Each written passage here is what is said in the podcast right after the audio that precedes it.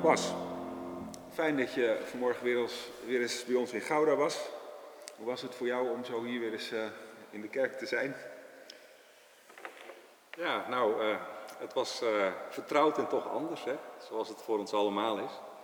Maar super om ja, op deze manier ook, je voelt toch wel dat, dat die verbondenheid er is. En die wordt nou ook even zichtbaar, dus dat is, dat is fijn. Ik vind het fijn om er te zijn. Mooi, ja. nou goed, fijn. Mooi. Uh, voel je dus vrij om vragen die je zou willen stellen of opmerkingen die je zou willen maken uh, uh, aan Bas, voel je vrij om dat te doen in de chat. Hè, want dan kunnen we echt met elkaar een gesprek voeren. Bas, je vertelde in de preek dat je een moeilijke tijd hebt doorgemaakt in januari. Ja. Met een gedeeltelijke burn-out, zei je.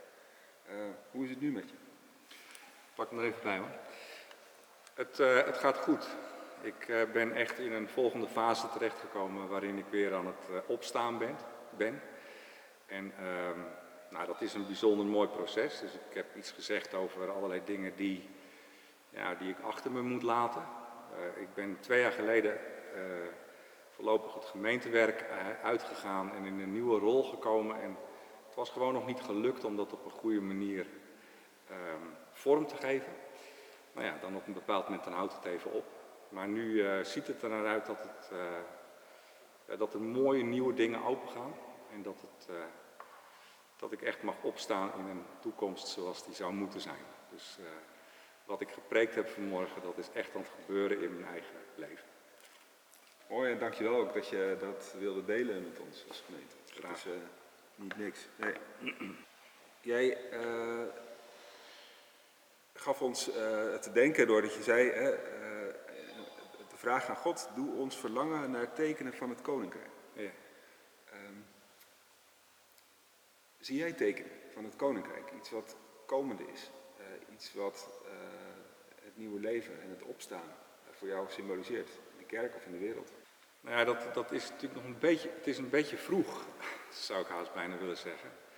Dus voordat dat we nou echt ons uh, massaal op, op die tekenen van het koninkrijk storten, is het ook echt wel goed, en daar ging de preek natuurlijk ook over, om, uh, om ook echt aandacht te hebben voor wat er aan het sterven is, hè, aan het afsterven is. Um, en daar zien we natuurlijk wel een heleboel van gebeuren. Ik, zou ook best wel benieuwd zijn naar wat ervaringen zijn van, uh, van, van, ja, van, van jullie daarin. Um, ik zie dingen, we zien allemaal dingen. Maar heel voorzichtig zien we in elk geval een verlangen groeien. Hè? Een verlangen naar uh, dat, dat dingen ook, dat hier anders uit zullen komen. Dat, dat zie je in de kerk, maar dat zie je ook buiten de kerk. En ik vond het wel heel bijzonder met al die teksten die in deze weken op het rooster staan. Ik volg dat voor mezelf ook in een gesprekgroep die ik heb. Dat, uh, dat, dat het daar voortdurend over gaat. Van over het, het, het, oude wat voorbij gaat, is gegaan en het nieuwe dat komt. En ja, we, we, we zien natuurlijk wel uh, een soort nieuwe creativiteit ontstaan nu. Uh, dat wordt door iedereen ook zo gevoeld. Van we worden heel creatief met elkaar. We, we, uh, we, we missen een heleboel dingen, maar we, we ontvangen er eigenlijk ook weer heel verrassend nieuwe manieren van samen zijn. Die soms nog intensiever zijn dan de oude voor terug. Uh, dus ja, ik, ik, zie wel allerlei tekenen van het koninkrijk en zijn gerechtigheid die, die, uh, die opbloeien. Maar nogmaals, ik, ik, ik, zou ook echt, echt willen stilstaan bij, dat, bij die pijn ook wel van datgene wat, uh, ja, wat, wat we ook gaan verliezen.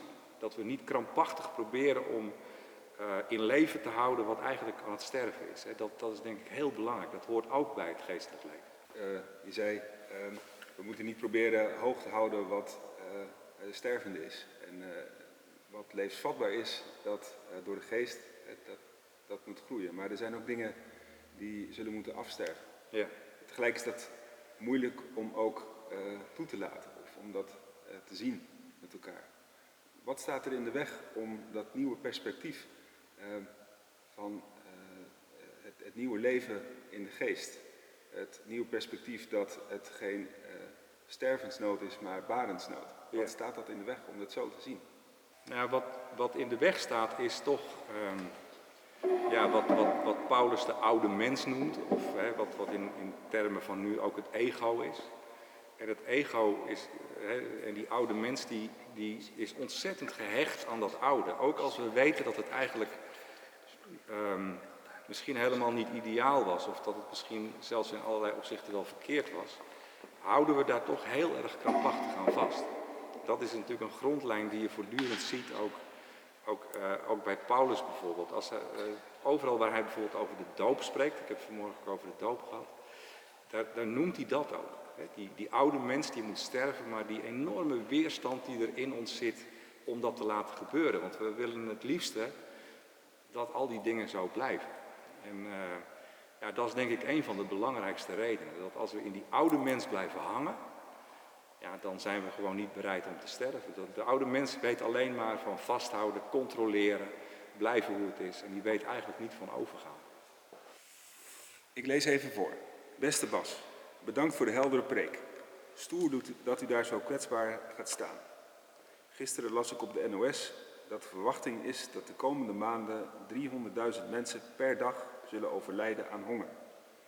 Het voelt zo onrechtvaardig dat wij iedere dag onze coronadoden tellen, terwijl er zo weinig aandacht is voor de hongerepidemie, hongerpandemie, waarbij er per dag evenveel doden zijn als tijdens de hele coronapandemie tot nu toe. Hoe kijkt u daar tegenaan in het licht van uw preek? Nou ja, dat, dat, dat is dus zo, zo'n, zoiets. Um, we maken van dichtbij dingen mee. Ondertussen worden er nu dingen zichtbaar die veel meer in de, in de lijn liggen van de gevolgen van dit allemaal. En um, ja, dan is dus ook zo'n vraag van, um, blijven we dan toch uh, alleen maar, hè, ik weet het wel, het zijn hele grote vragen en op individueel niveau is het natuurlijk vaak bijna onmogelijk om er iets mee te doen. Maar uh, we kunnen ook heel makkelijk wegkijken van zoiets als die, die gevolgen van, van de doden die er uh, door honger vallen op andere plekken. Maar juist in, in het nadenken over, over hierna, ik noemde in mijn preek eventjes, hè, dat is een beetje wat, wat Bas van Bavel gisteren schreef in Trouw. Dat hij zei van, er wordt vaak gezegd dat een, een crisis altijd weer het systeem als het ware weer meer in evenwicht blijft. Maar hij grond van ook onderzoek in de geschiedenis zegt van dat, dat gaat nooit vanzelf. Dat gaat echt niet vanzelf.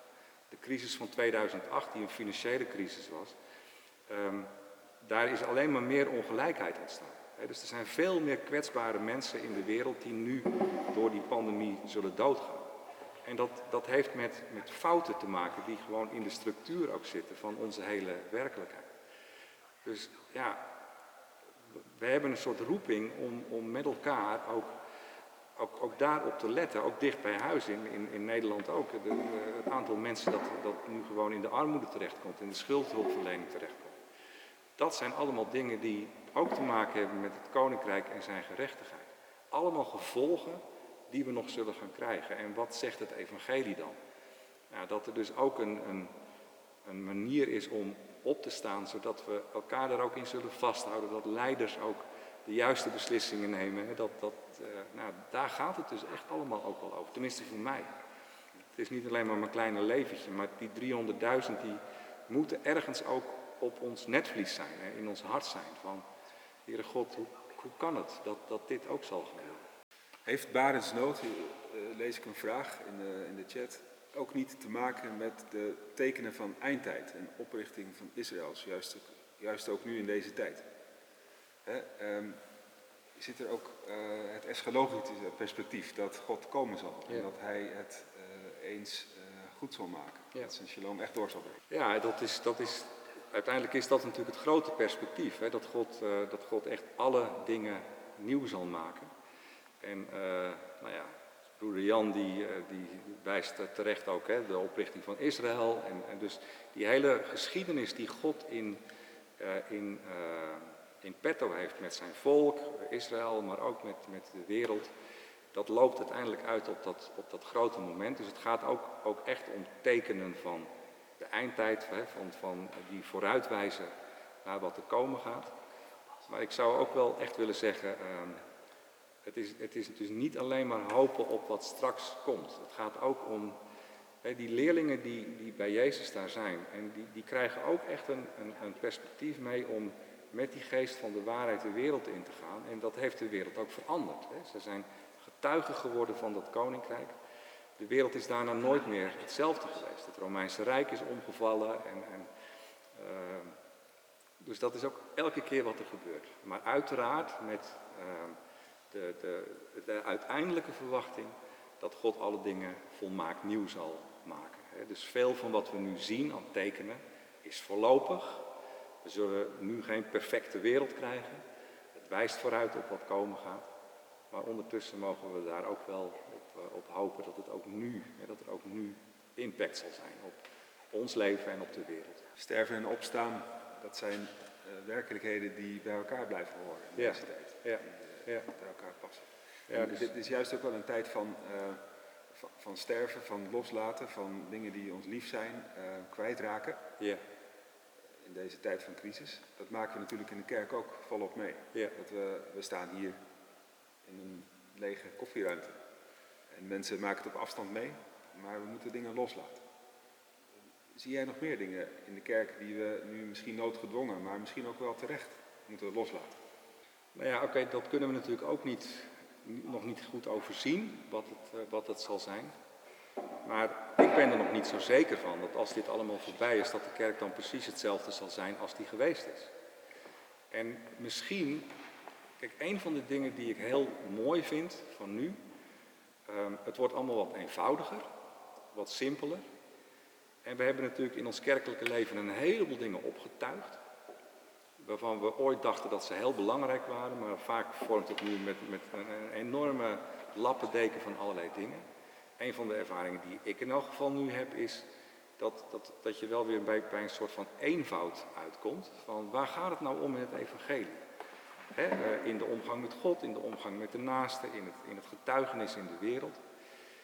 Ehm, ik hoop eigenlijk dat, dat, na deze, dat in deze crisis er ook wel een, dat het ook gewoon een aanleiding is om, om een soort van overtollige ballast, waar we misschien al lang van af hadden moeten zijn, om dat echt, maar dan ook gewoon echt te laten doodgaan. Hè, zodat er echt weer echt ruimte komt voor, dat, ja, dat, voor die, die eenvoud van het evangelie die zo ongelooflijk diep is. Ik, ik weet niet of, of jullie dat herkennen, maar ik, ik heb een bijbelklasje en eh, daar komen we nu samen eh, elke week. We deden dat één keer in de maand, we doen het nou elke week. Een, uur, een dik uur. En de intensiteit van wat daar gebeurt, het is gestript van alles en nog wat.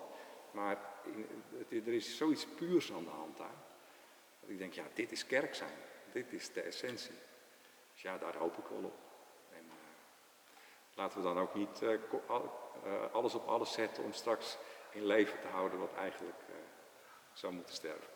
Nou, we zijn nu bezig met het schrijven van een beleidsplan voor Ja. de Sint-Janskerk. Het wordt een hele dunne. Dat wordt een hele... Inderdaad, ja, ja. Dat is wel het moment van de waarheid. Ja.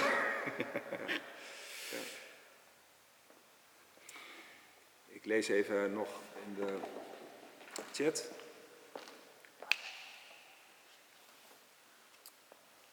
Als het goed gaat, kan het makkelijker zijn om God te zoeken of te prijzen.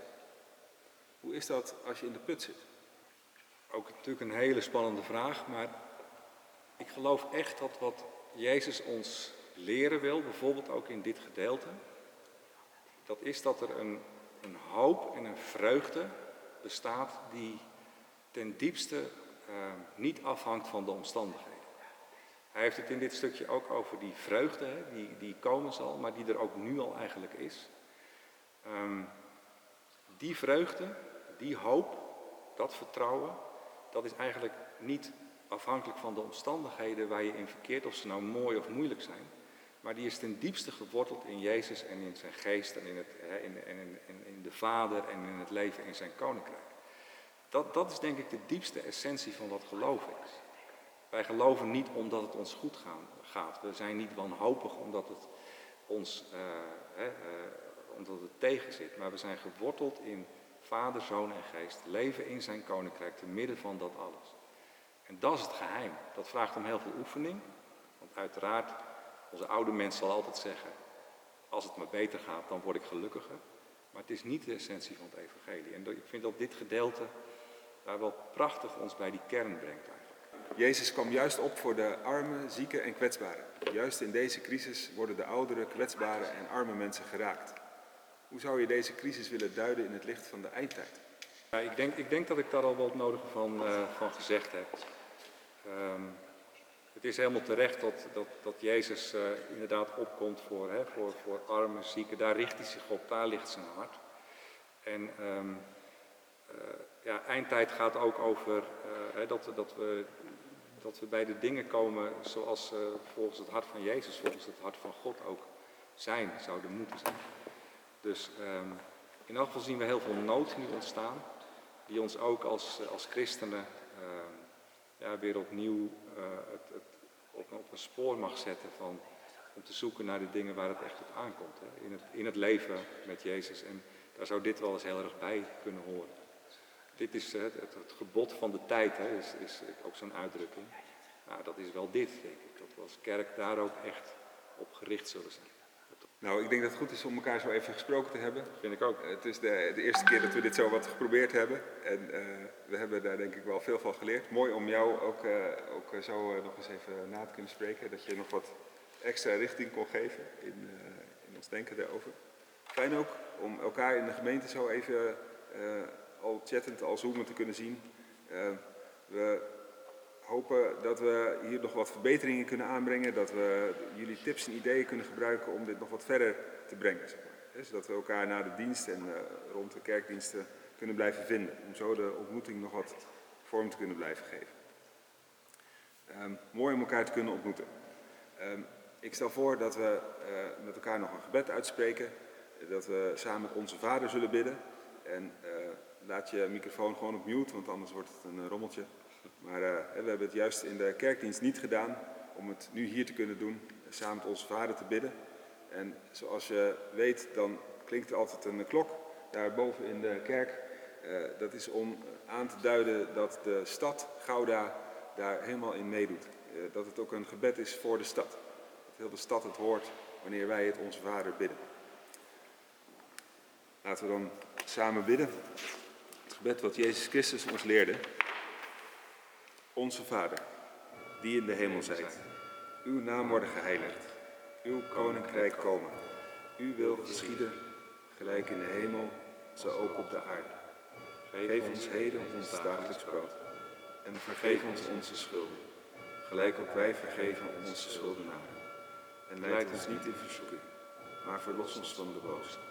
Want van u is het koninkrijk en de kracht en de heerlijkheid tot een eeuwigheid. Dank jullie wel. Bedankt Bas. Graag gedaan. Voor je komst naar Gouda, voor dit moment. Dag, dag en allemaal. Hopelijk snel tot ziens. Ja. Goeie zondag.